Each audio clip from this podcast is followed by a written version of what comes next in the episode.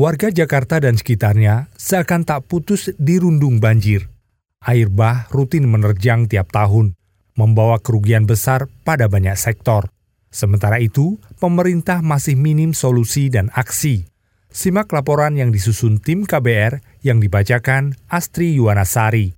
Hari Senin turun, udah turun, selang satu jam lah datang lagi. Nah, yang keduanya lebih besar, sampai sepintu lah di sini, sepintu. Lebih parah yang tahun baru.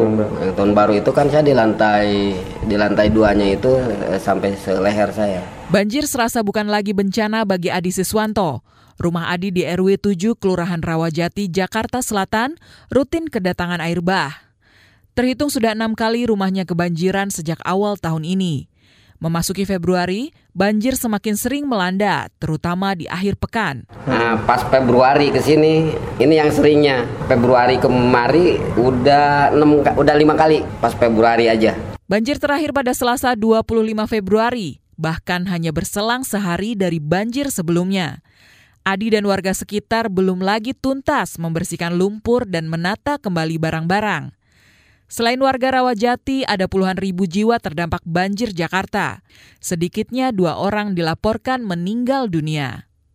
Gubernur DKI Jakarta Anies Baswedan berujar banjir selasa lalu merupakan banjir lokal, bukan kiriman.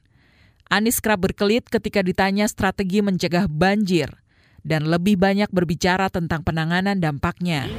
Seluruh jajaran Pemprov bekerja di lapangan untuk satu membantu evakuasi daerah-daerah terdampak. Kemudian kedua, membangun pos pengungsian bagi di wilayah-wilayah yang terdampak itu, pos kesehatan dan pasokan kebutuhan pokok bagi seluruh masyarakat. Sementara itu, Menteri Pekerjaan Umum Basuki Hadi Mulyono menyebut Jakarta kembali banjir karena sistem drainase yang buruk. Memang drainasenya yang mungkin kapasitas drainasenya yang lebih kecil dari volume air, uh, intensitas hujannya. Rumah Sakit Cipto Mangunkusumo Jakarta ikut terimbas banjir. Sejumlah peralatan medis terpaksa dimatikan karena tergenang air. Alhasil, layanan radioterapi dan tomoterapi bagi pasien kanker tidak bisa dilakukan. Menurut Direktur RSCM Lis Dina Liastuti, beberapa pasien akhirnya dirujuk ke rumah sakit lain agar tetap mendapat layanan. Yang uh, sedikit kesulitan adalah MRI karena MRI kita juga punya satu lagi sebetulnya di Kencana, cuman daya tampungnya kan juga tidak bisa uh, eh, 100% menyerap yang dari pusat sehingga kita bekerja sama dengan rumah sakit lain. Demikian juga radioterapi karena ter, kembali terulang genang, genangan tersebut kita masih tematikan sehingga sekarang kita tetap tetap terpaksa juga harus uh, pengalihan ke rumah sakit lain. Banjir turut menghambat mobilitas warga. Layanan kereta komuter Jabodetabek dan bus Transjakarta sempat terhenti. Perjalanan kereta api jarak jauh dari Jakarta tujuan Jawa Timur dan Jawa Tengah mengalami keterlambatan hingga 5 jam. Banjir yang berulang kali menerjang sempat memicu kerusuhan di Mall Ion City, Cakung, Jakarta Timur.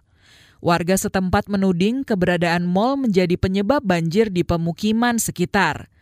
Menurut Kapolres Metro Jakarta Timur Ari Ardian, kisruh terjadi karena tidak berjalannya komunikasi antara warga dengan manajemen mall. Ada masyarakat dari di sekitar Jakarta Garden Center ini yang datang untuk berkomunikasi dengan pihak uh, Jakarta Garden Center.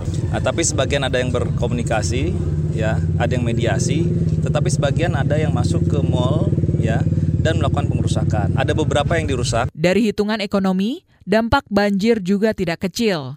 Kerugian yang harus ditanggung usaha kecil menengah di Jakarta ditaksir ratusan miliar rupiah per hari. Ketua Asosiasi UMKM Indonesia Akumindo Ihsan Ingratubun mengatakan banjir berimplikasi sangat luas.